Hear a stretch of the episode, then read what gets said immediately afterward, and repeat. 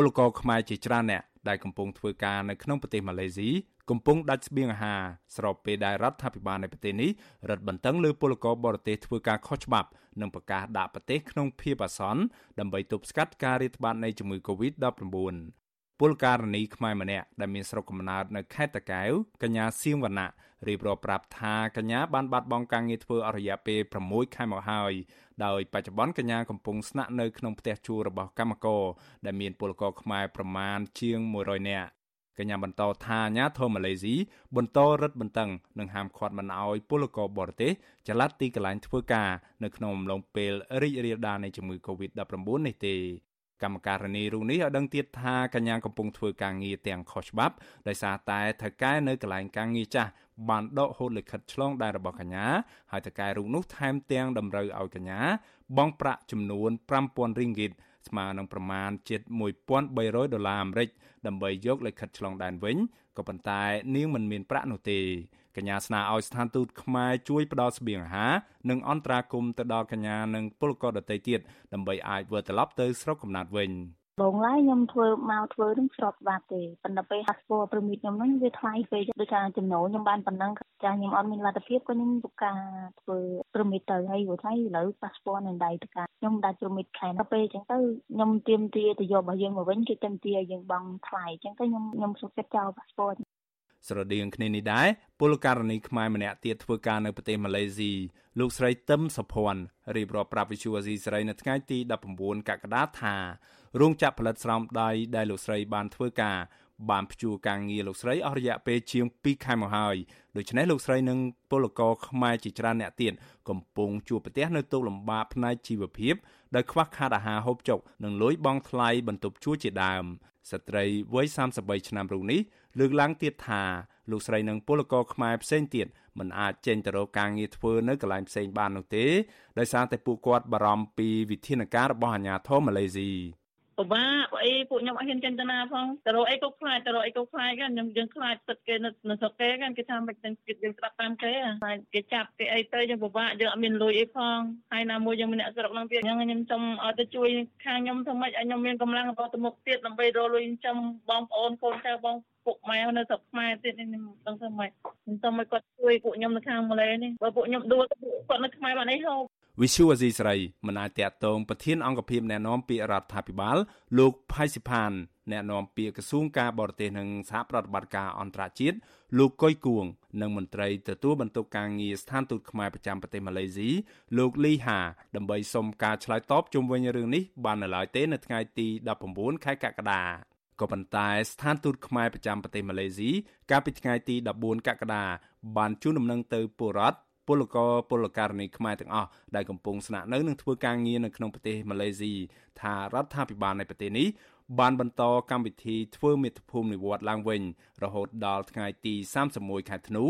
រហូតដល់បញ្ចប់កម្មវិធីចាក់វ៉ាក់សាំងស្ថានទូតខ្មែរដឹងទៀតថាអគ្គនាយកដ្ឋានអន្តរប្រវេសន៍ប្រទេសម៉ាឡេស៊ី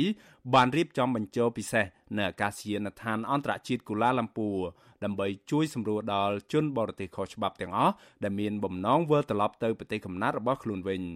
សេចក្តីជូនដំណឹងដដែលបញ្ជាក់ថាជនបរទេសខុសច្បាប់ទាំងអស់ត្រូវបំពេញឯកសារនិងលក្ខខណ្ឌដូចជាថតចម្លងលិខិតឆ្លងដែន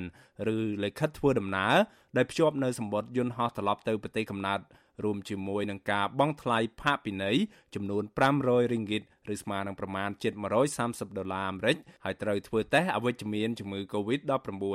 ទោះយ៉ាងណាពលករខ្មែរធ្វើការនៅប្រទេសម៉ាឡេស៊ីអះអាងថាស្ថានទូតខ្មែរនៅប្រទេសនេះហាក់មិនអើពើអំពីទុកលំបាករបស់ពលរដ្ឋខ្មែរនោះទេពួកគាត់ចង់វិលត្រឡប់ទៅស្រុកខ្មែរវិញដែរព្រោះខ្លាចអាញាធរម៉ាឡេស៊ីចាប់ខ្លួនផងនិងដោយសារអត់ការងារធ្វើផងក៏ប៉ុន្តែពេលនេះពួកគាត់មិនមានប្រាក់សម្រាប់ធ្វើដំណើរជាពិសេសពួកគាត់ពិបាកតាក់ទងមន្ត្រីស្ថានទូតដើម្បីសុំកិច្ចអន្តរាគមន៍ ជុំវិញរឿងនេះមន្ត្រីអង្គការសង្ត្រាល់ទទួលបន្ទុកសិទ្ធិការងារលោកឌីថេហូយ៉ាសង្កេតឃើញថាអំឡុងពេលរីករាលដាលនៃជំងឺ Covid-19 ពលករខ្មែរធ្វើការនៅក្រៅប្រទេសពុំសូវទទួលបានកិច្ចអន្តរាគមន៍ពីស្ថានទូតខ្មែរនោះទេ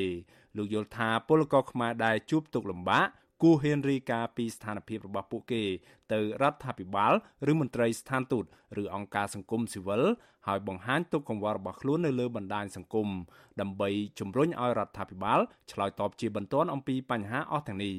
មន្ត្រីអង្គការសង្គមស៊ីវិលរូបនេះទទូចឲ្យរដ្ឋាភិបាលកម្ពុជាតាមរយៈស្ថានទូតគួរសហការជាមួយរដ្ឋាភិបាលម៉ាឡេស៊ីដើម្បីសម្របសម្រួលផ្លូវច្បាប់ និងឆ្លើយតបជាបន្ទាន់ជុំវិញទុកកង្វល់របស់ពលករខ្មែរទាំងនោះ បាទអញ្ចឹងអាភាគីសំខាន់4គឺទី1ខ្លួនគាត់ផ្ទាល់មានន័យថាពលករផ្ទាល់ក៏ត្រូវតែបង្ហាញពីសុខទុក្ខទុកកង្វល់របស់ខ្លួនឯងទី2គឺតាមទូតាំងកុសលដែលណាងឲ្យរដ្ឋហ្នឹងនៅពេលដែលដឹងគួរតែរៀបចំយ៉ាងម៉េចដើម្បីរកដំណោះស្រាយឲ្យពួកគាត់ទី3គឺពាក់ព័ន្ធនឹងរឿងទេសទួលហ្នឹងក៏ត្រូវដឹងអំពីស្ថានភាពបែបហ្នឹងដែរត្រូវវិភាគសាយបល់យ៉ាងម៉េចវាងរដ្ឋកម្ពុជាហ្នឹងមួយនឹងប្រទេសទទួលហ្នឹងត្រូវតែរកដំណោះស្រាយឲ្យពួកគាត់ទី4គឺពី NGO ដែលធ្វើការលើវិស័យហ្នឹងទេមកលេយើងអាចសហការគ្នាទៅតើយើងអាចជួយបានផ្នែកណា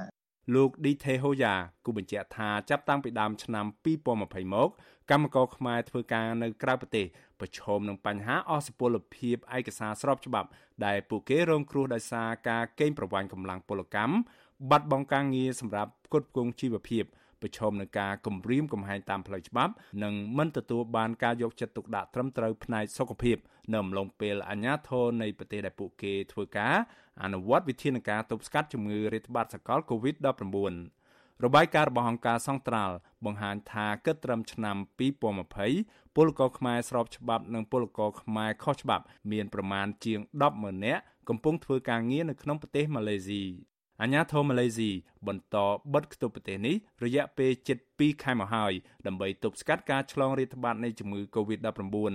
ហើយវិធានការរបស់អាញាធរម៉ាឡេស៊ីនេះហាមឃាត់អ្នកធ្វើដំណើរចាប់ពីម៉ោង8យប់ដល់ម៉ោង8ព្រឹកនិងហាមការប្រមូលផ្ដុំគ្នាជាដើមបើសិនបើជនណាល្មើសនឹងបំរាមនេះអានឹងត្រូវមានទោសដាក់ពន្ធនាគារ6ខែទៅ1ឆ្នាំ